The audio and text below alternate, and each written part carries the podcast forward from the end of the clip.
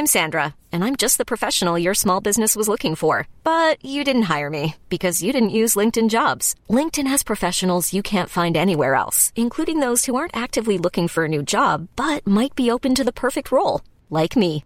In a given month, over 70% of LinkedIn users don't visit other leading job sites. So if you're not looking on LinkedIn, you'll miss out on great candidates like Sandra. Start hiring professionals like a professional. Post your free job on linkedin.com/achieve today. Ik ben Femke Sterke en naast mij zit Barbara van Erp. In deze podcast bespreken we alles, maar dan ook echt alles waar je als vrouw van 50 tegenwoordig tegenaan loopt. Doe je beugel BH maar uit en zet je rode oortjes op. Dit is de Saar podcast 50 plus, maar nog lang niet dood. Hallo lieve luisteraars, hier is Barbara. En eh, jullie horen mij nu als eerste omdat Femke ziek is. Ze heeft griep, eh, koorts, hoge koorts en spierpijn overal. Dus voor het eerst in 42 podcasts eh, moeten jullie het zonder Femke doen. En naast mij zit gelukkig Wies Verbeek, onze gast van vandaag. En eh, we gaan het eh, met haar hebben over de voor's en tegens van leesbrillen. De voor's en tegens van kinderen. We gaan het hebben over natuurlijk mijn alcoholminuutje. De vreselijke uitglijders van Barbara. En we gaan het hebben over hoe je een beetje leuk oud kan worden. Want daar weet Wies dan weer helemaal alles van. Maar ik wil eigenlijk nog even beginnen met vorige week. Want my god, we sloten af met... We gaan nu een potje janken na dat verhaal van Maaike Jeuken... over die kinderen in Oh. die pyjamaatjes. Ik En- vond het ook zo goed. Ik zag het helemaal voor me. En ik vond het ook heel. Ik begreep ook Femke die zei van. Had je dan toch niet van. Ik blijf maar. Ja. Ik vond het ook zo zielig. Maar goed. Ja, Ja, laat maar goed. zitten die scheiding. Ik blijf wel. Nou, we hebben letterlijk daarna met z'n drieën een potje zitten janken. Oh. Het was echt vreselijk. En Femke, die had nu zullen vertellen dat ze... Ze realiseerde zich ook na die podcast dat ze zo'n zeikwijf geworden was. En dat ze Reinier de hele tijd zo dicht op de huid zit. Ze zei, ik ben de, deze hele week is ze super lief geweest voor Reinier, dat jullie dat weten. En eh, ja, het was ook weer heel mooi het verhaal van Maaike. Want ze kregen wel echt superveel voor terug voor die scheiding. En. Ze is nu echt heel gelukkig. En ze kwam Ja. dus uit huis met te weinig liefde. Maar jezus, dat is me wel een paar dagen bijgebleven hoor, dat Ja. verhaal. Ik vond het echt heel indringend. Dat beeld. Ze kon het ook zo beeldend eh, beschrijven. Ja, Ik vond het ook zo, zo erg. Maar die vader. ja. Is die eigenlijk nog gelukkig eh, geworden? Ik weet niet zo goed hoe het met hem gaat. Nee, oké, nee maar- dat weet ik niet. Maar Maaike gelukkig wel. Ja. Nou ja, en dan is dit het moment dat eh, Femke dus aan mij ging vragen... Barbara, hoe is het met de alcohol? Ja, daar ben ik ook heel nieuwsgierig naar. Ja, want ik ben onwijs uitgegleden. We hadden ons jaarlijkse kerstdiner met kantoor. Oh, daar zag ik een foto van. Ja. Ja, en ik dacht wel, ik ga wel drinken vanavond. En ik begin natuurlijk een beetje overmoedig te worden, hè, want het gaat dus heel goed. Ja. En eh, ik ben af van dat dagelijkse gedrink, wat eigenlijk natuurlijk de, de hele doelstelling was. Maar dat is nog maar heel vers, dus daar moet ik echt onwijs wel mee oppassen, denk ik. Eh, maar ik dacht, ja, ja, dit was gewoon het grote kerstdiner. En eh, we hebben bij een heel fijn restaurant eh, gezeten, restaurant De Kas in Amsterdam. En de ene fles Chablis na de andere besteld. Ja, je, je, je kan me vragen hoeveel ik gedronken heb. Ja. Ik heb geen idee. Idee. Dus je Nee. was ook helemaal dronken, zeg maar, na, na het einde. Ja, best wel. We hebben ook nog van die espresso martinis gedronken. Ja. Esma is onze nieuwe hobby. Die ontdekte ik vlak voor ik, stop, vlak voor ik stopte met drinken. Maar wat is jouw eh, regel dan? Eh, want ik vind het al heel goed dat je dit eh, drinken beperkt tot bepaalde momenten. Ja. Maar wat is je regel dan, of voor je voornemen, voor hoeveel het dan mag zijn? Twee glazen, of één, of 28? Ja, dat weet ik dus nog niet Nee. helemaal. Ik vind eigenlijk normaal als ik uit eten ga, dan vind ik gewoon 2 à 3. Ja. Maar op dit soort avonden, ja, dan Ja. is het gewoon, je gaat gewoon zitten en je laat Ja. het gewoon gebeuren. Ja. En het is ook bijna niet te tellen, omdat ehm, ja, die fles gaat de hele tijd rond en iedereen schenkt je de hele tijd Ja, bij. dus je weet hebt geen idee meer Je hebt geen hoeveel. idee, Nee, nee. echt, nee. Maar heb je er wel van genoten? Ik heb er ontzettend van genoten. En het was dus ook, de wijn was echt goed genoeg dat we allemaal geen kater hadden. Nee. Zelfs niet na die espresso martinis nog s'avonds. En ik werd ook best wel heel fris wakker. En ik ben toen eh, een lange wandeling gaan maken. Met een vriendin zou ik gaan pilates. En ik heb haar gebeld, zullen we niet naar pilates gaan, maar zullen we lekker gaan wandelen.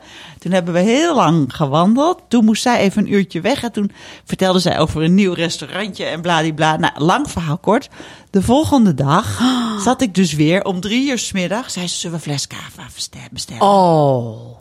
Hebben we- Dat doe ik ook nooit overdag drinken. Echt zo nooit. Maar toen hebben we dus een fles cava En het was twee dagen later of was het al de, de volgende? volgende. Oh, want ik wou je net voor dit verhaal vragen, voelde je je schuldig de ochtend dat je, want dat zou ik dan hebben. Eh, voelde je rot van shit, het is verpest. Nee, eigenlijk niet. Want Nee. ik, ik, ik- Oké. Het stomme is, ik... Ja, ik hoop niet dat alle Jellinek en AA-mensen dit horen. Maar ik, ik wilde gewoon echt naartoe dat ik niet meer zo elke dag drink. Dat Ja. alles een gelegenheid Ja. is om een fles open te trekken. Dus ik, ik... Ja, en voor je het... Als je niet oppast, wordt alles een, toch weer een bijzondere gelegenheid, Ja. weet je wel? Ja. Dus als ik het kan beperken tot dit soort momenten... en af en toe een keertje van, ja, fuck it, we nemen nu gewoon lekker een Ja. fles cava... Ja. Eh, Denk ik- je dat dat kan? dat weet ik niet. Ik denk Nee. eigenlijk van niet. Ik denk eigenlijk dat je Ja. zo weer terug bent in waar je was. Maar nu weet ik nog zo vers en goed dat ik dat niet wil. Nee. Ik, wil niet, ik hoop dat ik niet over een half jaar dus weer... Nee, helemaal Eh. verstra- verstrand in, eh, verzand in Ja. dat je elke dag eh, gaat drinken. Is het na die fles cava nog weer verder gegaan? Nee, nee. nee, toen was het ook wel klaar. Klaar. Ja. En, en sindsdien heb je dus niet meer gedronken. Nee, maar dat was gisteren. en nu is het nog smiddags, dus ja. Nee, Maar hoor, wat ik, waar ik zo benieuwd naar ben, en dat gevoel zou ik zo graag willen weten. Ehm, ik weet nog toen ik rookte Ja. en ik stopte met rookte, toen de, roken. Toen dacht ik, is er nog wel een leven na de sigaret? Ik vond alles ruk. Ja. En ik kon me niet voorstellen dat ik nog kon genieten in het leven. En dat ik, nou ja, dat gevoel, uiteindelijk is dat helemaal overgegaan. Ik rook al heel lang niet meer en ik denk er nooit meer aan.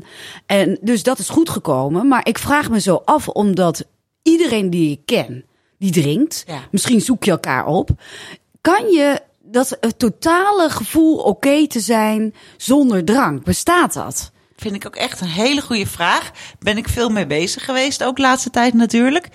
En ja, je ziet wel dat er een soort van kamp is. Er zijn mensen die hebben gedronken zoals ik, zeg maar. Die zijn dan nu helemaal gestopt met drinken. Ja. En dat is, er zit ook iets, een beetje iets fanatieks aan Ja. soms. En ik hoor wel van ze van ja, eh, mijn leven is daardoor natuurlijk echt veranderd. Ik zit niet meer elke avond in de kroeg en bladibla. Maar ook een aantal vrienden zijn afgevallen. Ja. Ehm, minder leuk hebben op feestjes. Dus Ja. je merkt wel, ja, je wordt wel iemand met Ja. een chip on your shoulder, zullen we Ja. maar zeggen. Ja.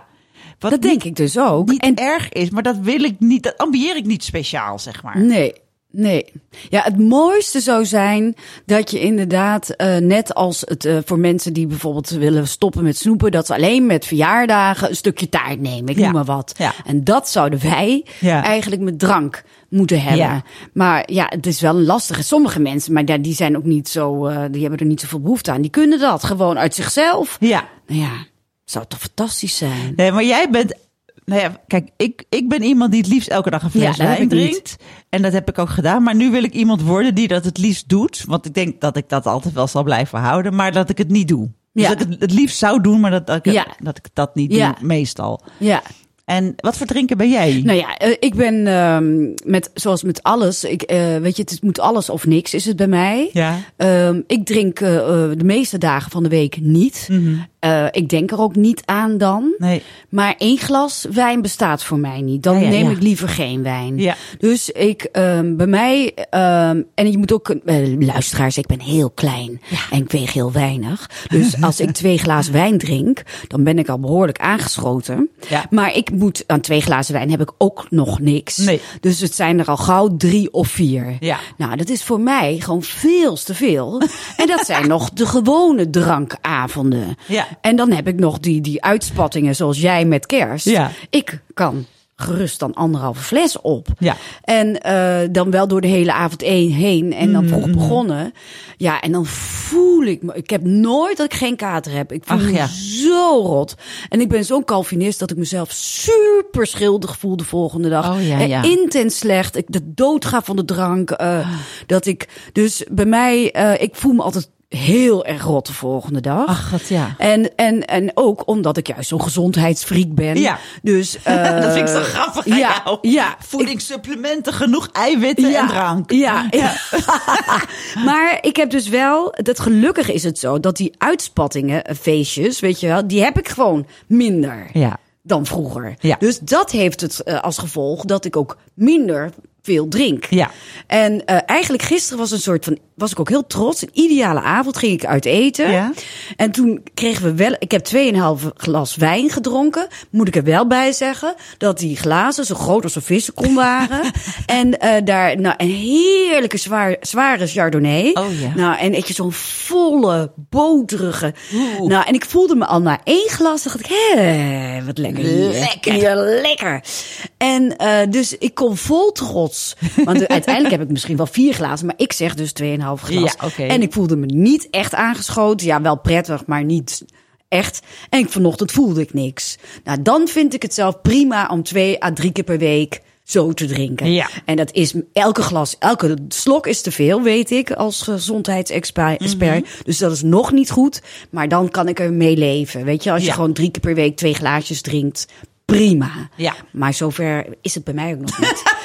Toch weer die voorstelling. Ja. Of we kregen wel eens te horen van sommige mensen dat we moeten stoppen met het promoten van wijn. De onbewust. Ik, ik, ik Ja. probeer dus onwijs ervan af te raken. En ondertussen zit ik dus wijn ontzettend te promoten. Nou ja, Ja. sorry jongens, daarvoor is niet mijn bedoeling. Het is heel ongezond. Niet doen, hè? Nee, elke slok is er één te veel. Hè? Het Ja. is onzin om te denken en te zeggen dat één glaasje wel mag. Nee. Nee, het mag niet. Nee, nee, maar het moet wel. Eh, oh nee, ik promote niks. Nee, nee, nee, nee, nee. Nou, dan gaan we nu iets reten. En we dachten, we gaan het eens even over de leesbril Ja. hebben. Want wat een horror is dat. er niet van. Ja. Ik heb, eh, eh, ik word ook knettergek. Waar ik knettergek van word, ik overdrijf niet. Maar ik denk wel dat ik 18 brillen of zo Ja. in huis heb. Je hebt ze overal, hè? Overal, Ja. maar ik heb, ben ook heel georganiseerd, omdat ik anders niet meer weet waar dingen liggen. Heb ik één la, Mhm. Ja. dan leg ik mijn leesbrillen in. Ja. Dus als ik naar de wc ga of naar de keuken moet, pak ik altijd daar mijn leesbril uit. Maar op de een of andere manier, Ja. en Paul heeft ook een leesbril, liggen daar nooit mijn leesbrillen meer in. Ja, alle Ja. 18 niet. Alle 18 weg. Echt knettergek word ik ervan. en ik ben gehandicapt als ik ergens ben en ik merk dat ik geen... Nu heb ik toevallig, heel grappig keek ik net, vier leesbrillen in Echt waar? Echt waar? Ja. ja. Dus het is... eh, maar ik versprak ook toevallig gisteren en dacht ik, zou ik dat doen? Er was een man en die eh, werd ook gek van zijn leesbrillen. En die heeft ehm, dus eigenlijk een staaroperatie, dus een nieuwe lens gekregen... waarmee Ja. die ook heel goed kan lezen. Oh. Toen dacht ik, jeetje... Wel Is dat handig. Wat? Ja, ik durf het denk ik niet, maar Nee, nou weet je nog in de mondkapjestijd dat je zo helemaal zo dat je leesbril Ja. helemaal ging verslaan. dat je in Ja. de trein probeerde iets te Iets lezen, met lezen, zo, ja. my god, wat afschuwelijk was Ja. dat. Ja. Maar ik ben het tegenovergestelde van jou. Ik heb niet 18 leesbrillen, ik heb er één. oh, Niet meer dan één. maar heb- ben je me dan niet voortdurend kwijt? ja, maar daar moet je zo goed op letten. Want ik heb ook wel eens drie gehad en was ik ze voortdurend kwijt. Maar nu heb ik er één. En dan ja, ik, en ik kan echt niks meer lezen. Ik kan Nee. zonder dat ding. Dus daarom ben ik de hele dag zo van bewust van waar dat ding is. Net als je mobiele telefoon, die raak je ook niet kwijt. Ook niet kwijt. Nee, dat Nee. is waar. Dus ik heb er gewoon één. Ik heb wel, moet Ja. ik eerlijk zeggen, een klein ethosbrilletje hier op kantoor liggen. Want één keer per jaar of twee keer per jaar vergeet, Vergeet ik hem. En dan ben ik ja. op kantoor en dan kan ik dus niks, gewoon niks meer. naar huis. Ja. Dus dan heb ik nu gewoon zo'n goedkoop dingetje liggen. En nu heb ik er gewoon één, dat is deze. ja, en die kost dan veel geld. Of die is dan tenminste echt helemaal afgemeten. Misschien moet ik dat ook doen. Ehm, maar ja, dan heb je ook weer dat, ik weet niet of je dat herkent. ik zit de hele dag achter de laptop. Ja. En dan heb je eigenlijk minder sterkte nodig dan Oh. wanneer je leest. Ja. Dus vanaf je iPhone of een boek of wat dan ook, of krant. is dat zo? Ja, Nou. ja. En dus zou je eigenlijk ook een computerbril moeten hebben. Ah. En dus ik heb eigenlijk allemaal van die flutbrilletjes van, van allerlei eh, goedkope winkels van 2 euro of zo. Heb ik er eentje die minder sterk is voor de computer. Oh, maar ja, dat, het is altijd een gegraai en eh nou ja. Ja. Nee, ik begin nu te merken, want ik lees dus bijna geen boeken meer op papier, omdat ik, mijn ogen dat gewoon niet aankunnen. Dus ik download boeken op mijn telefoon en dan lees ik ze. Daar zet ik het lettertype groot, het licht erachteraan. Ja. dan lees ik eigenlijk alles. Dus ik betrap mezelf dat ik nooit meer papier pak, omdat ik gewoon denk, ja, dat Ja. kan ik gewoon niet lezen. Nee. Maar idioot eigenlijk, ik heb me dat wel eens afgevraagd. Ik heb daar ook een interview over gedaan. Dat, dat het eigenlijk relatief snel gaat. Ik bedoel, je kunt 45 jaar, 44 jaar, Ja. weet ik veel wat, heel goed zien en lezen. En dan eigenlijk binnen twee jaar tijd of zo gaat het helemaal achteruit. En tenminste, dat Ja. zo erva- heb ik dat ervaren. Nou, ik ook, ja. Het is niet zo dat je daar dan tien, in tien jaar tijd steeds een beetje minder goed kan lezen. Nee, het is gaat- keer boem. Ja. Ja. En dan gaat het ook stel, snel eh, erg achteruit. Want wat versterkt heb jij dan nu? Weet je dat ook? Oh, dat kan ik nooit onthouden. Ik weet nooit of het plus of min Plus. kan ik niet onthouden. Oh, plus. Plus, min is in verte. 1,75. Oh, vind ik nog niet zoveel, Nee? hè? Nee. Ik heb 1,75 voor ver. Dat is trouwens ook het leuke. dat als je, eh, tenminste, nou, dat hoort heel- van heel veel mensen. Ik had altijd ook een bril voor veraf. Voor in de auto, voor tv. Oh ja. Die gebruik ik niet meer. Dat is dus minder geworden, minder erg Ah, ja, geworden. dat groeien, daar groei je Ja. dan doorheen Ja. of zo. En nu zit Ja. je dan op een kantelpunt. Ja, nu eh, eh, kan ik gewoon echt niet lezen. Zonder, nee, dat is verschrikkelijk. Echt Heb totaal wel niet. 2,5 heb ik al. Ja, dus eigenlijk, we zeuren een hoop over de leesbril, maar we reten hem wel hoog. Want Oh, stel je voor dat we hem niet 10 hadden. plus. Nou, ik heb wel een keer heb ik al voor Saar over geschreven. Ja. Die make-up bril, die krijgt een nul. Oh god. Want dat is een bril met één glas, zodat je met je, Oh, in, je- in je tuurlijk. spiegel je ogen kunt opmaken, omdat je natuurlijk minder goed ziet. Maar die bril houdt er helemaal geen rekening mee dat dat, dat, dat stukje bril er nog voor zit om je mascara op te Oh doen en een ooglijntje. Dus die krijgt echt een nul. Die krijgt echt een nul. Ja. Maar kan je het nog wel zonder bril dus je opmaken? Ik heb een, dat is de beste tip ever. Ja? De grootste vergrootspiegel, make-up spiegel Oh, of ja. scheerspiegel. Ja, de telefoon gaat jongens, maar we hebben geen tijd om op te nemen. Dus als Nee. jullie iets willen weten over je abonnement, dan moet je eventjes abonnementenland bellen. ja. Ja, Oh ja, nee, een vergrootspiegel Ja, met dat veel vind ik- licht erbij. Ja. Ja, dat eh, is echt een goede tip. Ja. Dan weet je ook zeker dat je mascara op je wimpers smeert en niet, eh, weet je, op je wang. En, eh, ja. En dan zie je ook heel lelijke, eh, vieze vlekken. Ja, ik durf niet eh, spiegel. ja. Oh, dan wil ik ook nog even één keer een ding zeggen over leesbrillen. Ja. Ik, ik lijk daar de enige in te zijn. Maar mijn leesbrillen zijn altijd heel, heel erg vies. En ik, en, en ik krijg er ook altijd opmerkingen over. Oh, ja? Dat het helemaal vol met vetvlekken. En er zit gewoon nog een halve boterham of zo op vaak. Oh my god. En, eh, maar waarom hebben andere mensen dat dan niet? En ik vind het ook een beetje smoetsig staan hoor. Dat Ja. snap ik wel. Maar hoe doen andere mensen dat dan? Ja, Hoe hou ik, jij je ik maak hem de hele tijd schoon. Ik heb er meteen last van als er een vlekje Ja, op ik zit. ook wel, maar kijk er doorheen, want het blijft maar. Ja. Nou ja, ik, ik, nou, ik weet niet. Ik, blijf, ik maak hem de hele tijd schoon. Maar waarom doe jij dat dan niet? Ja, maar ik heb nu een trui aan, dan gaat het toch niet mee? Dan moet toch met een poetsdoekje? Nee, ik kan overal mee. Nee, nou kijk, maar dat gaat niet nu. het vet smeert zich gewoon uit, maar het blijft heel wazig. Nou goed, Nou goed. ander probleem. Ehm, ik ga een fragment voorlezen van een stuk van jou. Ja, Ik dacht altijd kinderen te willen hebben. Helemaal omdat ik het grote gezin waar ik uitkom zo leuk vind. Maar daar had ik wel een man voor nodig. De liefde van mijn leven kwam niet. En dus vond ik het heel gewoon dat ik niet naar kinderen hunkerde. Toen ik op de valreep, ik was 37, mijn huidige vriend tegenkwam, was er nog een kans. Maar ik bleek helemaal niet de vurige kinderwens te hebben die ik altijd dacht te gaan krijgen. Een vreemde gewaarwording waar ik meer moeite mee heb gehad dan het feit dat ik geen kinderen heb. Ik moest mijn leven anders gaan invullen. Verdriet heb ik er nooit om gehad. Wel heb ik van die momenten dat ik even wee van binnen word. Je voelt je soms niet bij de gewone mensen horen. Iedereen heeft tenslotte kinderen. ja, Ja, ja. ja. Dat is wel. eh, ehm, het rare is dat ik die gewaarwording. Het is. Eh, het is net zoiets als je het eh, net zo gewoon vindt dat je naar de lagere school gaat. Ja. Dat je naar de middelbare school gaat. Eh, al die gewone dingen van het leven Ja. vond ik ook in het krijgen van kinderen. Ik was als kind speelde continu met poppen. Ja. Eh, ik wist ook dat ik later vroedvrouw wilde worden. Eh, ik was altijd met babytjes bezig. Ehm, ik als jongste vond het verschrikkelijk en heb ik dagelijks om gehuild dat mijn moeder niet nog een baby eh, kreeg. Oh.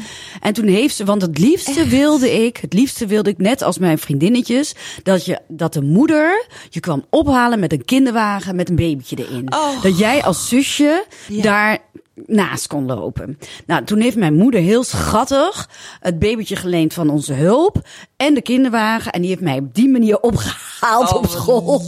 Nou, kortom, voor mij was het heel vanzelfsprekend dat ik later kinderen zou krijgen. En toen werd ik wat ouder en, en, en eh, al geloof ik dat ik 26 was of zo, kreeg mijn eerste vriendin een, eh, raakte in verwachting. Dacht nou, leuk voor je. Krijg ik later ook Ja. als ik groot ben. Maar ik vond me nog een soort kind. Dus dat kwam eh, over 100 jaar wel. Ja. Nou, dat gevoel bleek ik, bleef ik houden. Ja, ja. En ook mijn zus kreeg kinderen. En ik dacht, god, wat leuk, krijg ik later ook. En eh, nou ja, en ik, eh, ik dacht dus altijd dat ik die kinderen wilde. Tot ik op een gegeven moment ehm, iets ouder werd en wel opmerkelijk vaak een droom had. Met, dat ik in verwachting wa- was. En dat het een nachtmerrie was. Dat ik echt compleet in paniek raakte. Want dat kon niet meer terug. Ja. En eh, dus toen begon ik al wel na te denken, wil ik wel kinderen? Maar ik dacht dat nog steeds, ik hing dat op aan het feit, want ik moest wel een vader zijn, vond ik. Ik had niet de drang om zelf alleen kinderen Nee. te krijgen. Dus ik dacht, nou, die wens komt wel als, eh, als er een man komt.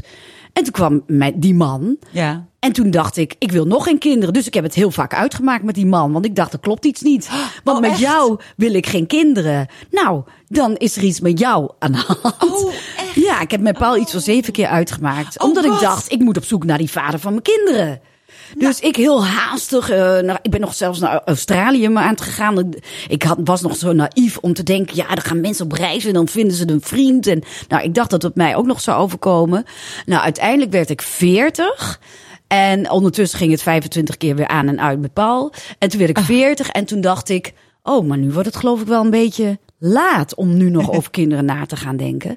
En toen realiseerde ik me dat ik eigenlijk niet een eh, echte kinderwens had. Ja. Die behoefte niet. En toen da- merkte ik dat het mijn gedachten niet overeenkwam met mijn wens. Ja. En dat was heel raar. En dat was.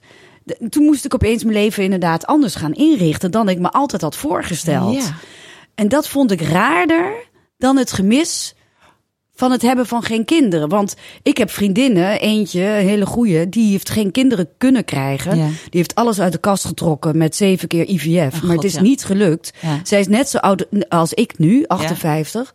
Maar zij lijdt er nu nog vreselijk onder. Oh, wat nou, dat heb ik nooit gehad. Ik heb ook nooit een poging gedaan om in verwachting te raken. Of ik heb ook nooit gedacht. Ik, maar wat ik, tuurlijk, wat ik wel heel vaak heb gehad, is dat dat zijn die weeën momenten. Mhm.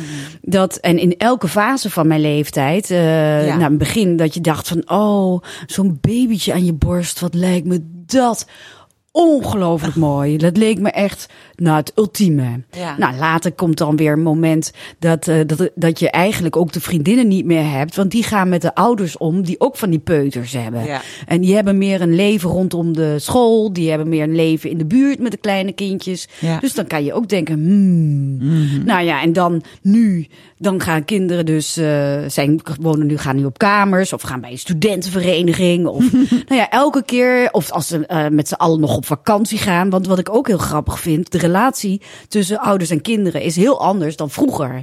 Vroeger moest ik er niet aan denken om na mijn zestiende nog met mijn vader en moeder op vakantie te Nee. gaan. Dat vertelde ik echt niet eh, als ik met iemand naar bed was geweest of zo. en nu is die relatie, te- zie ik overal van mijn vriendinnen met hun kinderen. Nou, het is zo ongelooflijk leuk. Ja. Eh, en die, kinderen vinden het ook hartstikke leuk om nog met die ouders op vakantie te gaan. Ja. Eh, dus dat kan ik nog wel eens een steek hebben. Maar verder, eh, ik heb ook honderd keer gezegd: Jezus, wat ben ik blij dat ik geen kinderen heb. Ja, ja, ja, Weet je, ja, dus. ja. ehm, Maar jij had natuurlijk wel, dus je had dus een, een leven voor kinderen. En je dacht, er komt straks een leven met kinderen. En dus rond je veertigste heb je tegen jezelf moeten zeggen... oké, maar dat komt dus niet. Dit Nee. is het. Dit gaat Ja. gewoon zo door. Ja, ja, en wat je dan krijgt, wat, eh, wat ik wel eens het idee heb dat mensen met kinderen dat misschien niet realiseren.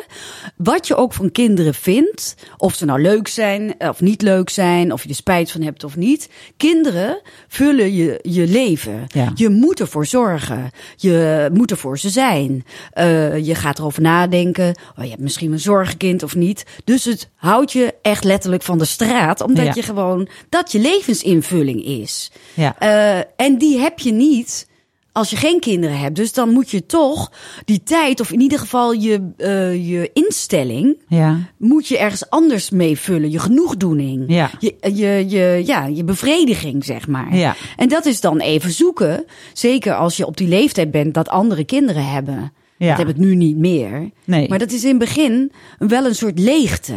Ja. Empty nest, waar wij straks allemaal mee te Ja. maken krijgen, Ja. zeg maar.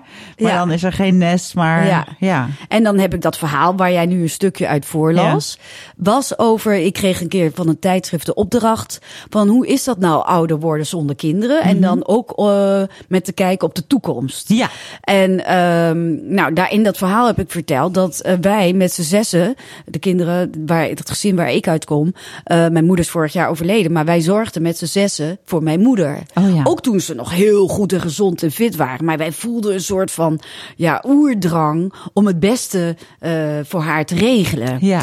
En uh, zij liet dat ook heerlijk uh, wentelde zich daarin. Ja, zich wel gevallen. Ja, ja, en dat vond ze allemaal fantastisch. Dus zij, wij waren ook bij wijze van spreken haar gedachten of haar... Weet je, ze hoefde nergens over na te denken. Wij deden haar financiën. En, Ja, met z'n zessen ook. ja, fantastisch. En, ja, en toen zei, eh eh altijd als ik haar vroeg, toen was ze al eh, tegen de 90. Ik zei, mam, hoe oud wil je worden? Nou, ik wil nog zo lang leven. Ik wil echt 100 worden, of nou liever eigenlijk nog langer. Ik zei, wat is daar de belangrijkste reden dan voor? Ze zei, jullie. Ja. Ik wil weten hoe het met jou verder gaat. Wat jij allemaal nog gaat doen. En nou ja, met die gedachte, als ik daaraan denk, nou kennelijk, voor haar levensgeluk Ja. waren die kinderen dus enorm belangrijk. Wauw. En toen ben ik dus gaan nadenken, ja, dat heb ik dus dan niet. Maar ik voel geen moment van eh, dat ik daar dat, dat dat jammer vind. Want ik, mijn levensgeluk hangt af van of ik nog deel kan uitmaken van de maatschappij. Dat ik dingen kan doen. Ja. Dat ik eh, eh, nog allerlei leuke uitjes kan doen. En dat ik hier met jou nog een podcast kan maken. Dat, ik, dat vind ik voor mij mijn levensinvulling. Dat Mhm. Ja. zijn voor mij geen kinderen. Nee. Dus dat is alleen maar gelukkig. En het is wel zo dat als ik straks alleen woon en opeens naast mijn bed val en de hele boel heb ondergepist, dan eh, Ja. wie komt er dan? En Paul is er niet meer. Wie komt ja. er dan? Ja. Dat, dat, maar ja, tegelijkertijd, toen ik dit verhaal schreef, kreeg ik ook duizenden reacties van vrouwen. Nou, dat is helemaal geen garantie hoor, dat je kind op bezoek komt. ja, want eh, ja, we kunnen ook kinderen hebben die, eh, die niks doen. Nou, Ja. dat is ook zo. Maar ik vind toch in het algemeen, ja, dat kinderen dat dan... Ja, ik zou het voor mijn moeder in ieder geval doen. Tuurlijk. Ja. Weet je wat ik ook wel heel interessant vind om te horen? Is dat je dus als je kinderen dus al halverwege de 50 zijn, dat je nog steeds er wil Ja. blijven leven om te kijken wat voor leuke dingen ze nog allemaal gaan doen. Ja, Hoe het ze vergaat. Maar het grap- grappige is ook, zij hield ook nog steeds als een moeder in, was zij gewoon nog moederder, zij over ons. Zij bepaalde Ja, ja. wat wij moesten doen en zo. Ja, niet voor haar, hè, want ze was heel makkelijk. Voor haar maakt het niet uit als wij dingen voor haar deden. Maar ehm zij zei, nou dat zou ik niet doen of dat moet je niet doen. Ik denk, godverdorie zeg, ik ben, ik ben eind 50. Ga je me toch niet vertellen wat voor mij eh, goed is of niet? Ja, maar dat doe je dus als moeder, denk ik. Ja. Oh, wat lief, ja. Dus ja, ik heb eh, eh, uiteindelijk hoop ik, kijk, eh, hoe wij oud worden, dat, dat, dat, ga, dat is best nog wel nou, ja, beangstigend of zorgelijk misschien, want dan zijn er niet zoveel mensen meer die voor ons kunnen zorgen. Omdat Ja. wij gewoon met veel meer ouderen zijn en langer leven. Absoluut. Dus we moeten meer voor onszelf gaan zorgen. En ik hoop, en zo ben ik ook geëindigd, onze Ja. ultieme droom dat je met al je vrienden in een groot huis en dat je dan één doktertje kan inhuren. Daar moet je allemaal geld voor hebben. Dit zijn allemaal wishful thinking eh, dingen. Maar dat je met z'n allen één huis eh, hebt en eh, dat op die manier oplost. Nou, je had nog een oplossing dat je tegen die tijd bij de HEMA Ja. een pil kan kopen voor een euro. Ja, En dat je zegt van oké, is mooi geweest, ik ga. Ja. Stap er even uit. ja, ja. Nou ja, daar ben ik echt wel zo'n voorstander van. Nou, ik, ook, ik denk ook steeds, ja, nou ja, maar dat denk ik dan nu, hè. Maar als het dan allemaal zo ellendig wordt en er niemand meer voor me zorgt, Ja. nou, doe mij die pil maar, Ja. dat is mooi geweest. Ja, en ook dan kunnen andere mensen weer, jongere mensen verzorgen. Ik hoef dan niet meer. Maar ik, eh, ik weet dat ik hier eh, ook eh, veel woede naar boven haal bij mensen die vinden dat je daar niet over mag beslissen. Mijn moeder wilde gewoon, wat er ook gebeurde, nou reanimeren, alles wilde. Ze wilde gewoon zelf doodgaan wanneer dat de tijd ervoor Ja, was. ja. Ik heb dat helemaal niet. En misschien dat ik tegen die tijd er anders over denk. Zou kunnen, ja. Maar eh, ik eh, zou heel fijn vinden dat als ik het even niet meer zie zitten, dat ik dan weg ben. Ja. En het scheelt ook weer heel veel kosten. Nou, en dan, hé, maar horen jullie dit? 1,50 Ja. euro willen we er maximaal voor betalen. Ja, net als de rookworst had ik gezegd. Ja. Ja, precies. Nou, ehm, heel even een commercial break en dan gaan we door naar het hoofdthema. Hoi, ik ben Barbara van Erp. Ik ben oprichter van Saar Magazine. Zoals je weet is Saar niet alleen een podcast, maar ook een hele beweging. We hebben een tijdschrift dat zes keer per jaar uitkomt. We hebben een website, we hebben cursussen. We hebben Saar opgericht om er echt te zijn voor die hele leuke, jonge, nieuwe 50-plus vrouw van nu. Want eh, we vinden dat er voor eh, vrouwen met jonge kinderen is er meer dan genoeg. Voor jonge mensen is er meer dan genoeg. Uh, bejaarden als doelgroep, dat kennen we ook wel. Maar wij worden eigenlijk overal vergeten. Adverteerders adverteren tot 49 jaar. Uh, of ze hebben trapliften in de aanbieding. Nou ja, dan mag je met 80 beginnen. Maar voor ons is er gewoon helemaal niks. Dat betekent ook dat we het niet van adverteerders moeten hebben, maar echt van onze lezers. Uh, we proberen jullie zoveel mogelijk gratis aan te bieden, maar we moeten ook ergens geld verdienen. We zijn een klein kantoor, we hebben geen hoofdkantoor in New York, maar een klein kantoortje aan de Amsterdamse grachten, waardoor we een tikkeltje grachtengordel zijn, inderdaad. Waarvoor excuses? Nou, kijk eens even op saarmagazine.nl slash abonnement. Zo duur is het niet en je helpt ons er enorm mee. Dankjewel. Ja, Wies, jij hebt dus net een boek gemaakt. Ja. Een beetje leuk oud worden, waarin je 101 tips hebt um, uh, om een beetje leuk oud te worden. Ja. En je hebt natuurlijk ook een, uh, een website, een blog, Blow. Mhm. Een beetje B-L-O-W, beetje leuk ouder worden mensen. Ja. Niet te gaan googlen op Blow, want dan krijg je allemaal vreselijke Ja, pornobeelden. ja, ja, ja, beetje leuk ouder worden. Ja. En um, nou, ik ben sowieso ben ik heel benieuwd naar jouw dagroutine. Jij, jij ziet er fantastisch uit. Je bent gezond, je bent fit, je ziet er mooi uit. En een beetje leuk ouder worden is voor jou iets met je geest, positief denken, ook goed bewegen, gezond eten. Ook buitenkant zit er ook bij. Daar ben je ook heel goed in. Um, ik ben zo heel benieuwd naar jouw, jouw routine. Wat, wat doe jij wat Ja, dagelijks ja precies. Dan zo laat ik heel eerst even zeggen over waarom ik hiertoe ben gekomen. Ja? Is dat ik um, eigenlijk het ouder worden steeds leuker vind. Hè? Dat, omdat al die stress die je voorheen had, van heb ik wel de juiste man en oh help, ik ben veel te oud al voor het krijgen van kinderen, kan het nog wel? Uh, moet ik een huis kopen of niet? Uh, je staat veel onzekerder in het leven als je wat jonger bent. Althans, dat ervaar ik, maar dat is ook uit onderzoek gebleken dat vijftigers, plussers beter in hun vel gaan zitten. Toen dacht ik, ja, ik vind het leven nu zo ontzettend leuk. Mhm. Mm -hmm. Het gaat toch niet mee gebeuren dat ik over tien jaar al allerlei ouderdomskwaden Ja. heb. En omdat ik ook een doembeeld heb van hè, wat we net over hadden. Ik wil gewoon niet later uh, helemaal onderuit gezakt en kwijlend. En ja, dat is een. Ik weet dat we dat niet helemaal in, in de hand hebben. Ja. Maar we kunnen het wel zelf veel bepalen. En ik wil gewoon nog het liefste zo lang mogelijk fit zijn. Ja. ja, wie wil dat niet? Dat weet ik ook wel. Dus nou, van daaruit is die belangstelling uh, ontstaan. Ja. Maar het is bij mij wel zo. Kijk, willen wij uh, heel um, lang en fit en gezond blijven, dan moeten we gewoon de hele dag op sla eten. Uh, dan moeten we sporten, uh, dat we erbij neervallen. Ja. Uh, dan mogen we niet rinken, drinken, roken. nou, niet te laten opblijven. Nou, dat is te saai en te moeilijk. Ja. En dus ik ben wel voor dat het heel gemakkelijk moet zijn. Ja. En ik heb me er nu acht jaar in verdiept. En 80 wetenschappers gesproken, geïnterviewd, ja. boeken gelezen. En ik vind, ik haal er zoveel kleine tips uit die je in je dagelijks leven kunt inpassen. Ja. Uh, die makkelijk zijn. Want dat moet het wel voor mij. Uh, om voorbeeld te geven, wat doe, jij vraagt, leuk, wat, leuk, doe leuk. Jij, wat doe jij zoal? Dan kom maar met die tips en alles. Ja, Nou, bijvoorbeeld, het, het is te klein voor woorden. En je denkt, jeetje, scheelt dat nou? Ja, dat scheelt. Um, we gaan ons zelf het maken het ons steeds makkelijker. Hè? We gaan nu lekker zitten bij deze podcast. Mm -hmm. We hadden er ook bij kunnen gaan staan. Zonder dat het ons tijd of moeite kost. Maar ook bijvoorbeeld, uh, mensen gaan al nu al zitten als ze hun schoenen aantrekken. Ja. Even een gimpen aan, even zitten. Hoe trek jij je schoenen aan, Barbara? Jij gaat wel zitten, ja. Nee, meen je niet. En ook Ja, je sokken.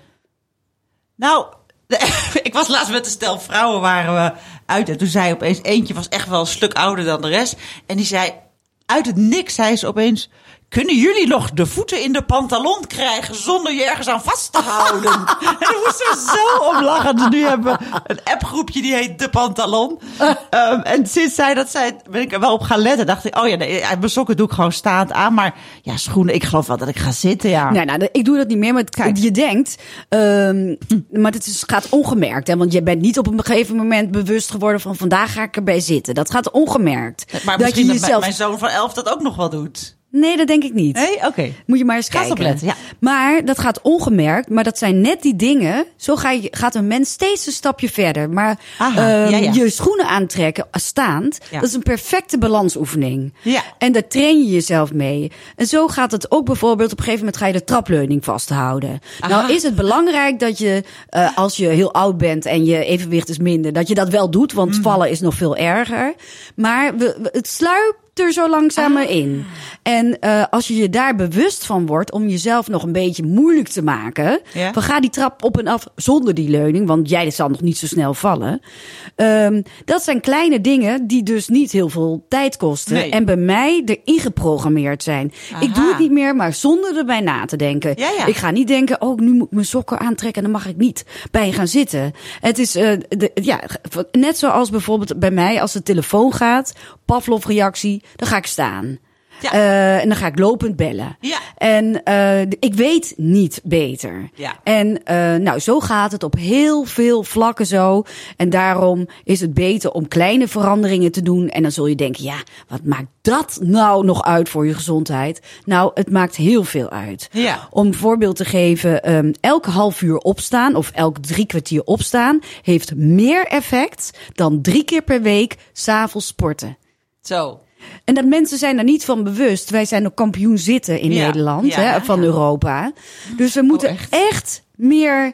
We zitten te veel. Dat we- focussen ons op. Als je vraagt aan iemand, iemand wat doe je aan beweging? Dan zegt diegene al gauw, nou, ik doe twee keer per week aan judo of eh Mhm. padellen of wat dan ook. Maar je zegt nooit, ik sta om het half uur op. Nee. Het is beter om te focussen op het zitten. Dus dat je dat minder doet dan het focussen op het meer bewegen in de vorm van sport. Nou, wat geinig. Ja. Ja, ik heb natuurlijk wel iets van gehoord, maar Ja. zo heft. Ja, ja. Ja, maar zo zijn er. En kijk, ik wist bijvoorbeeld niet. Kijk, want eh, de Wereldgezondheidsorganisatie en het gerenommeerde Lancet heeft het dus over een pandemie. Dat zitten, dat, dat dat een, een ziekte is. die zo. is het nieuwe roken. Ja, precies. Maar als je dan ziet bijvoorbeeld en hoort dat dat sporten teniet wordt gedaan door het vele zitten, Ja, ja. dan vind ik het weer interessant. Ja. En dan denk ik, hé, hey, wat grappig. Nou, en zo zijn er heel veel kleine dingen die je kunt doen. Kijk, wat wel een opgave is als jij vraagt, van, wat doe jij allemaal? Nou, ik begin mijn dag met 40 minuten brisk walking. Mhm. Juist. Nou, dat is een behoorlijke opgave, dat snap ik. Maar bij mij is dat erin geslopen. Brisk walken is dus in een heel snel tempo, ko- kort eh, en ferm eh, wandelen. In je- hoog je, tempo. staat op. Hoe laat gaat de wekker? Ja, hoe laat gaat de wekker? Om kwart over zeven. Ja. Dan ga ik eh, eventjes... vroeger deed ik dan de vijf Tibetanen, maar nu doe ik de World Greatest Stretch. Ah. Dat is de beste stretchoefening. Als je geen zin hebt in een uurtje yoga, Ja. dan doe je even deze stretchoefening. Die, kan je binnen twee googlen. minuten, drie minuten... Ja, die kun je googlen. Staat overal het voorbeeld. leuk. Want die bereikt in één keer al je spiergroepen. Dus als je niks wilt doen omdat je geen zin hebt of geen tijd hebt voor een uurtje yoga, Mhm. doe dan dat. Oké. Want je bent er binnen vijf minuten van af en je voelt, als je hem hebt gedaan, dat je al je spieren hebt Nou, gerekt. Ik Nou, beloof het. Ik ga morgen beginnen. ja, Maar de vandaag. world greatest stretch. Ja. Dan heb ik dat gedaan. Dan eh, trek ik mijn kleren, eh, mijn sportkleren aan. En dan ga ik als een debiel eh, met mijn jullie podcast, met Saar podcast, Oh. ga ik dan door het park Ja. in een heel snel tempo. Mensen denken allemaal dat ik geschrift ben. Ja, ziet er niet uit. Ziet er niet uit. Heb je al ontbeten dan? Nee, Dat doe je want niet. dat is ook een tip in mijn boek. Ja. Want eh, als je eh, sport of beweegt, kunnen ook een paar kniebuigingen zijn voor je ontbijt. Ja. Is het heel goed voor je suikerhuishouding. En je verbrandt ook meer. En je, want je, eh, je voorraad koolhydraten zijn op, hè, omdat je s'nachts Oh, helemaal ja. niet hebt gegeten. Dus dan doe je meteen een beroep op je vetcellen. Oh, je pakt hem even door. Ja. ja. En ik ben niet van het intermittent fasting, omdat ik daar gewoon niet tegen kan. In de zin van ik altijd honger heb. Ja, heb ik ook. En eh, ik moet dan ook eten. Eh, vroeger zei ik ook altijd, voordat ik dit brisk walken deed, ik kan niet bewegen, want ik moet eerst eten, anders ga ik dood. Ja. En eh, nou blijkt dat heel erg mee te vallen. En ik ben eraan te gewend. Ik ben nog steeds niet dood. En ik, Ja. Dus ik doe dat brisk walken. Dus er zijn wel dingen die voor een ander nog best heftig zijn, maar voor mij voelen. Ik Ja. krijg er zoveel energie van. Wat lekker. Ja. Elke dag. Elke dag. En eh, ja, ik heb wel eens bijvoorbeeld eh, als ik eh, in, in het weekend sport ik dan en ook nog en dan denk ik nou vandaag dan even niet, weet Ja, je wel. ja, ja. Dus en als ik dan s ochtends om half negen al een afspraak heb buiten de deur, ga ik ook niet. Nee. Want maar in principe veel- ben je dan om negen uur klaar met sporten. En, en dan... Ja, begin dan ga ik aan mijn ontbijt. Ik doe niks hysterisch, hè, maar ik ben wel, ik heb één geloof qua voeding. En dat is onbewerkt eten. Ja. En of je nou veel of vet, dat maakt allemaal niet uit. Maar niet pakjes en zakjes. Nee. Nou ben ik daar niet hysterisch in, wat ik ooit wel was. Maar want ik ga geregeld uit eten en ik eet bij anderen. En vreet ik ook een zak eh, drop bij wijze van spreken Mhm. leeg. Maar het is wel overal Ja. mijn voedingspatroon. Ja. En ik merk gewoon, het, het is bijna te trutterig voor woorden, maar als ik een keer een avond doorzak qua eten, Ja. dus een patat met mayonaise en zo eet, dan voel ik me de volgende dag toch opgeblazen en niet lekker. Ik voel me zoveel fitter als ik gewoon puur eet. Ja. Dus gewoon groenten en zelf snijden en vlees en zelf snijden. En ja. Vlees eet ik dan niet, maar eh, eh, ja, nou trouwens, ik eet voorgesneden groenten. Eh, maar ik eet wel bakken vol met groenten. En ik eet Ja. tussen de middag sla. En ik voel me daar gewoon heel goed bij. Ja.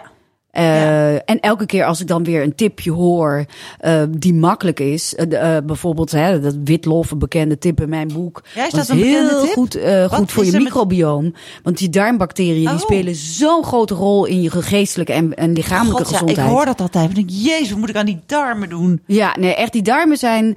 Daar wordt de komende jaren zal dan nog veel meer over bekend worden. Ja. Er zijn nu echt ook hè, linken met autisme, met, met bijvoorbeeld ook ehm, Parkinson eh, bekend. Ehm, ik, eh, het, is nog een redelijk onontdekt gebied, Mhm. maar ze komen steeds meer achter eh, hoe belangrijk een gezond microbioom dan Ja. hè, die darmbacteriën zijn. Ja.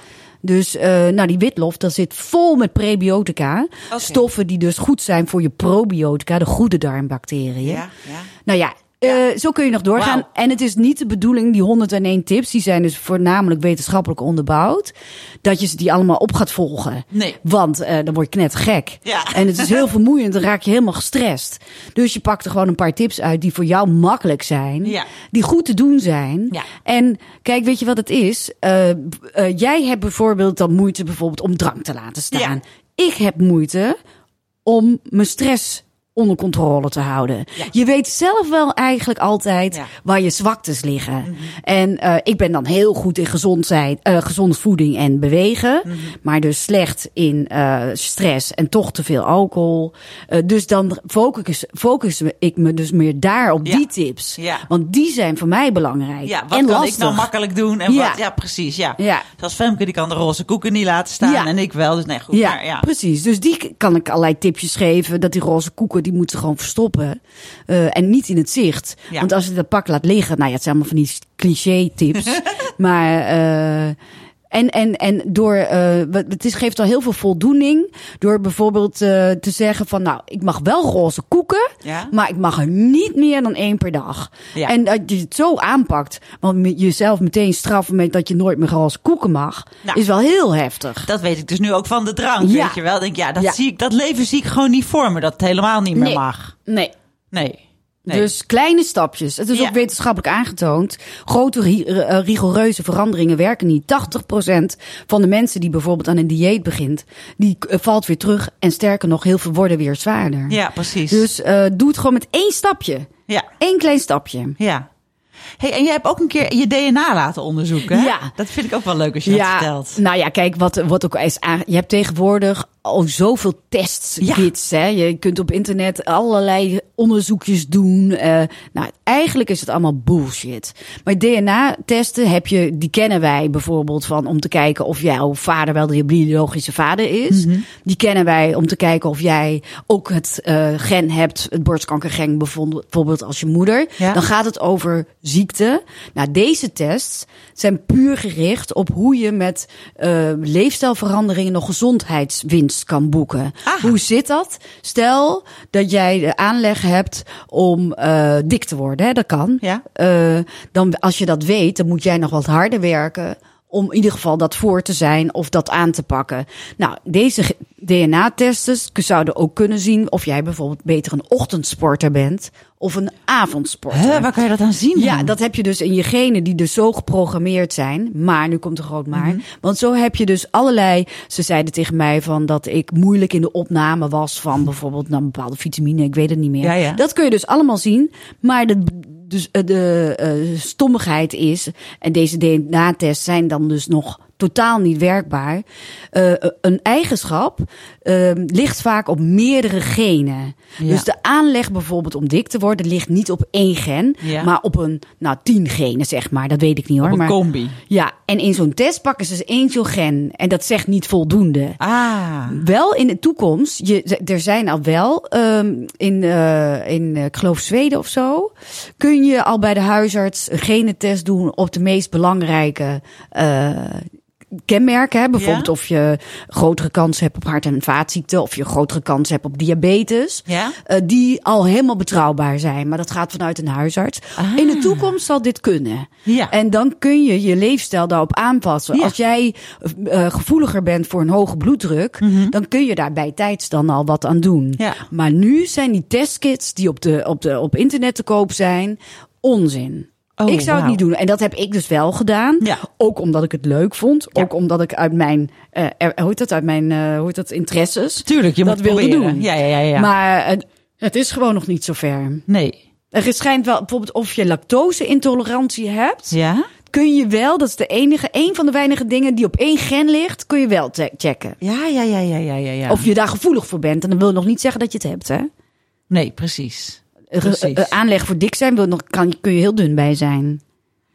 Hey, en dan zijn er nog uh, wat dingen. Wat, wat kan je geestelijk doen? Hoe kan je Ja, geestelijk eh, jong oh, genoeg, genoeg, genoeg. Nou, allereerst, ook daarin geldt moeite doen. Mhm. Ehm, het zijn allemaal van die clichés. Maar bijvoorbeeld- Kruiswoordpuzzeltjes? Nee, kruiswoordpuzzeltjes, dat, eh, dat helpt niet. Oh. Omdat je dan leert beter worden in kruiswoordpuzzeltjes. Oh. Tenzij je opeens hele andere puzzels gaat doen. Maar is moeite doen zit hem bijvoorbeeld in eh, het schrijven met je andere hand. De hand die niet je niet de Oh. dominante hand. Nu, nu hoef je niet echt dat dagelijks te doen. Maar door het af en toe proberen gaat de hersenen gaat nieuwe verbindingen aanmaken. En die verbindingen die leiden ook tot een beter geheugen, een beter andere cognitieve vaardigheden. Oh. Dus eh, en wat, wat dat zie je ook bij het leren van een eh, muziekinstrument, bij het leren van een taal. Eh, dus jezelf uitdagen. En ik betrapte mezelf ook op door met bijvoorbeeld neuropsycholoog Margriet Sitskoorn en Ja. Erik Scherder te praten.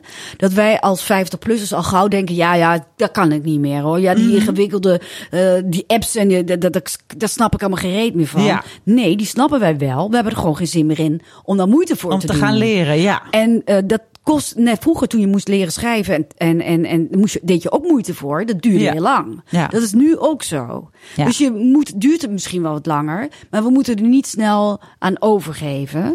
En eh, Want ik dacht altijd, hè, je blijft jong door nieuwe dingen te proberen. Maar dat interpreteer ik als, ja, je moet met je tijd meegaan. Maar er zit dus eigenlijk iets heel anders, heel anders achter. achter. Die nieuwe. En het grappige is ook, ik heb ook heel veel 80-plussers die nog heel mentaal fit waren. Ja. Mhm. Gevraagd van wat is nou jouw geheim? En dan is altijd, of altijd, maar echt 9 van de 10 keer zeggen ze ja, nieuwsgierig blijven, openstaan Ja, ja. voor nieuwe dingen. Eh, weet je wel, eh, naar musea gaan. Eh, dat elke keer jezelf verrassen. Dat houdt je jong, zeg maar. Ja.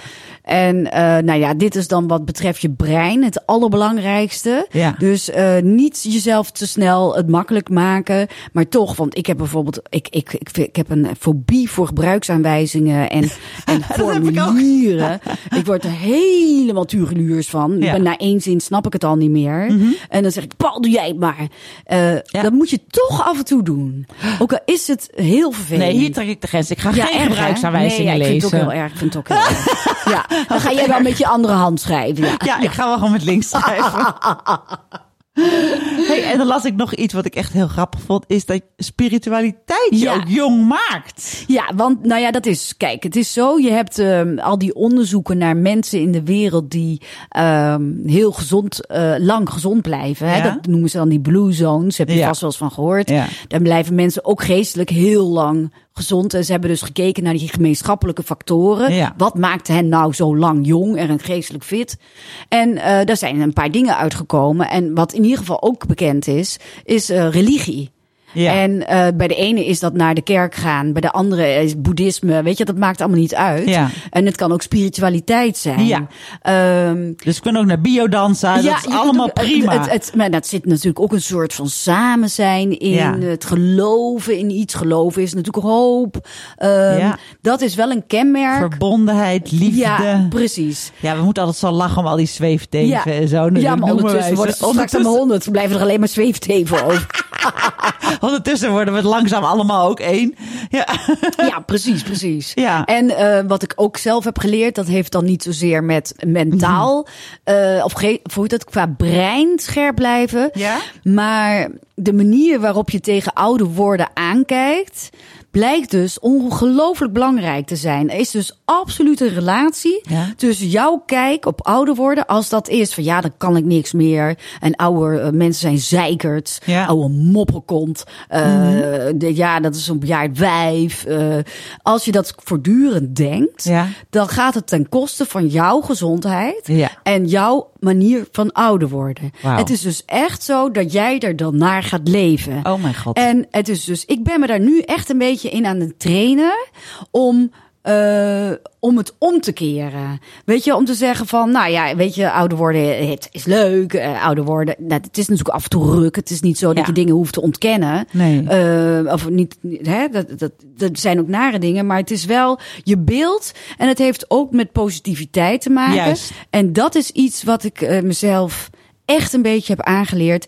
Positieve mensen die, die leven eh, langer, zijn, leven Ja. acht jaar langer, zijn gezonder. Ja.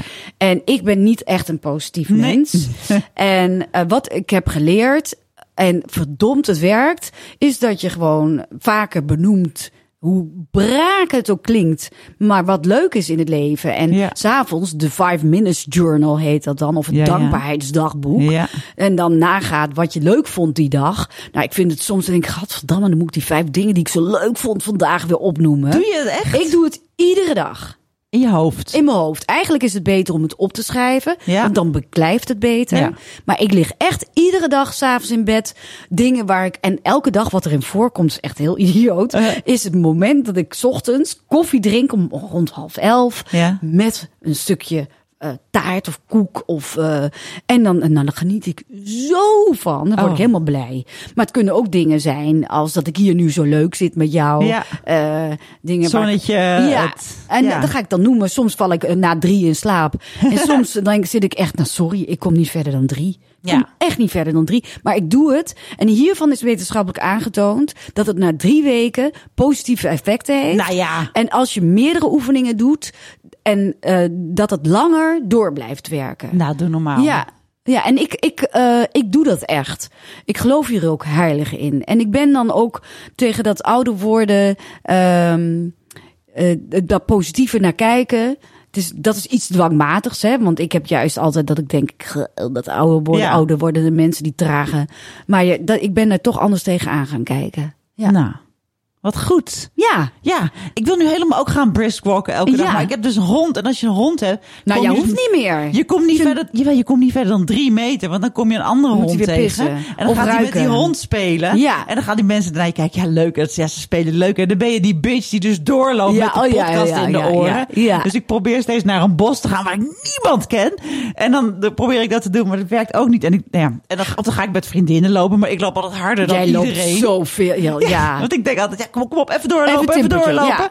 En dan is toch weer staan we weer te hangen. Denk, nou, dan heb ik, ik, ik, ik spendeer heel veel uren aan wandelen. Ja. Maar dat echte brisk walken, ik krijg mij goed. Ja, maar dat hoeft niet. Want al die keren dat jij wandelt, elke keer als je de hond uitlaat, ook al is het maar een half eh, kwartier, tien minuten, heb jij weer gewandeld. Nou, ik doe verder de, ja, sport dan nog. Maar Ja, dan heb ik in ieder geval niet gezeten. Dat is wel weer waar. Precies, supergoed. Ja, dat is waar. Nou ja. En het is gewoon ongelooflijk dat eh, meer dan de helft bevolk van de bevolking haalt niet eens een eh, half uur per dag matig intensief bewegen.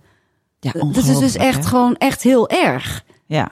En daar, daar kan ik me soms, kijk, ik ben geen goeroe of geen missionaris dat mensen gezond moeten gaan leven. Dus iedere, ieders eigen keuze. Ja. Het zal mijn worst wezen wat jij doet. Ja. Maar ik vind wel, er wordt zoveel geld gespendeerd aan het behandelen van zieke mensen die ziek zijn geworden ten koste Ja. van een ongezonde leefstijl. Eh, het dotteren van harten van mensen die gewoon overgewicht hebben en heel ongezond zijn. Daar gaat al het geld naartoe. Terwijl er geen geld gaat naar de preventie daarvan. En, eh, en ik wil niet betuttelen, want we moeten niet allemaal, weet je wel, niks meer mogen kopen of zo, weet ik veel wat. Nee, ja. Maar ik vind wel dat er meer aandacht aan voor mag komen. Ja. Dat is ook wel natuurlijk echt gaande nu in de maatschappij. Ja. Preventie, preventie, preventie. Maar ja. ja. ja. Nou, het geldverdeling is nog niet zo. Nee, nee, nee, nee, nee. Ik zag van de week, toen dacht ik, het, het zal toch niet zo zijn. Er was, op een la, was een item op het NOS-journaal dat jeugd veel minder geld heeft eh, op de middelbare school om rond te komen.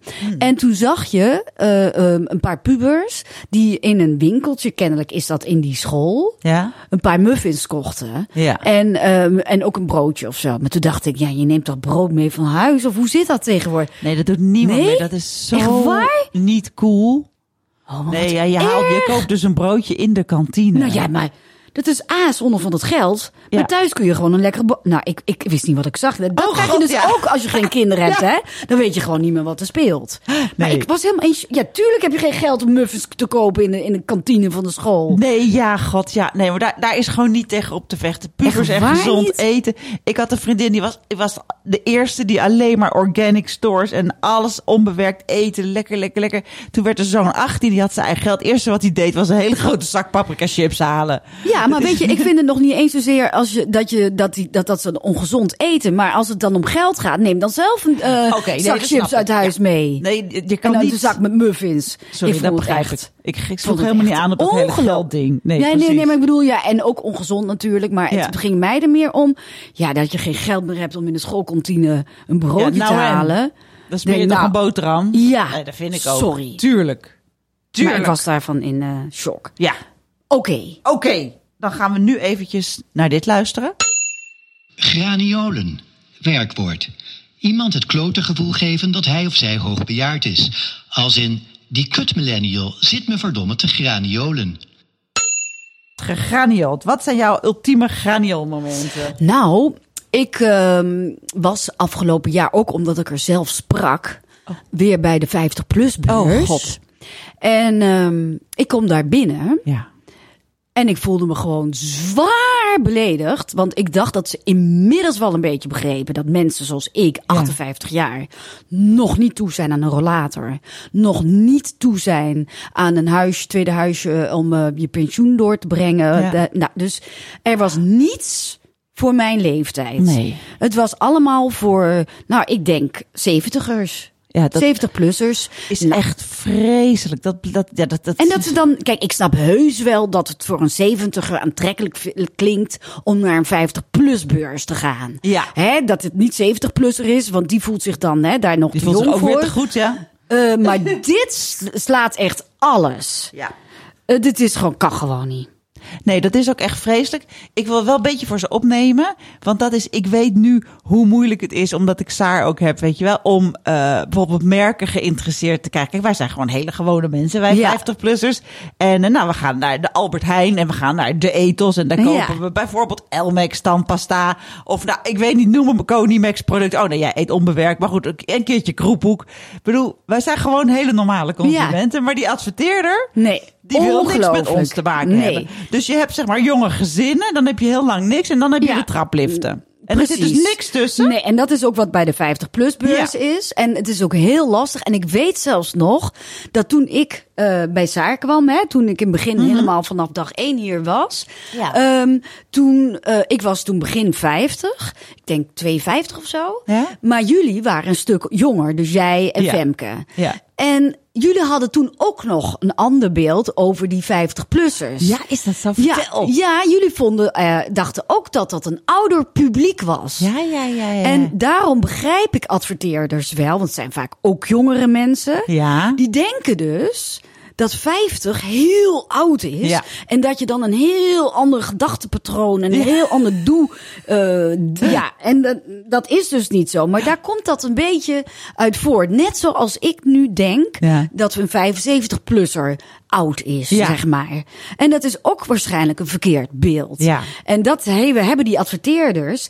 En terwijl juist die, deze doelgroep, dus echt adverteerders, let op. Want Ja. dit is de doelgroep die eh, geld te spenderen Ja. heeft. Die nog super nieuwsgierig is. En ook in het proberen van andere dingen. Ja. Eh, dus het is, ik, ik kan alleen maar zeggen, als je geld wil verdienen, doe het dan bij die 50-plus Ja. mensen. Ja. Maar Nou. dat, eh, nou ja, dat, daar ben ik ambassadeur van. Maar dat, Ja. dat- ja, het, het werkt wel een beetje hoor. Maar ik had geen zin meer om al mijn tijd erin te stoppen. Ik vind het veel leuker om podcast te maken. En eh, dus wij maken gewoon graag dingen voor onze lezers en luisteraars. Nou, Wies, ehm, ja, Femke, ik heb je wel gemist. Ja, maar ik het ging wel heel lekker dit. Ja? Ik, nou, ja, ik vond het ook heel lekker gaan, daar niet van. Maar ik volgende keer met Femke erbij. Heel graag. Ja, En Femke, nou, hartstikke leuk. beterschap. Ja, En Wies, dankjewel dat je er was. graag gedaan. Vond het leuk. Oké, dag luisteraars, tot volgende week. Vond je deze podcast leuk? Volg ons dan op Spotify. Wil je Saar steunen? Neem dan een abonnement op ons magazine. We kunnen je hulp goed gebruiken, want we zijn geen onderdeel van een groot bedrijf. We hebben geen mannen in pak die ons helpen met geld.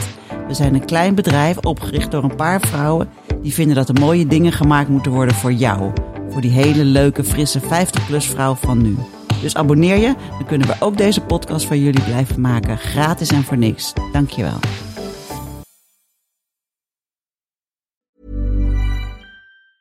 Hi, I'm Daniel, founder of Pretty Litter. Did you know cats tend to hide symptoms of sickness and pain? I learned this the hard way after losing my cat, Gingy. So I created Pretty Litter, a health monitoring litter that helps detect early signs of illness by changing colors, saving you money and potentially your cat's life. Pretty Litter is veterinarian developed, and it's the easiest way to keep tabs on your fur baby's health right at home. Go to prettylitter.com and use code ACAST for 20% off your first order and a free cat toy. Terms and conditions apply. See site for details.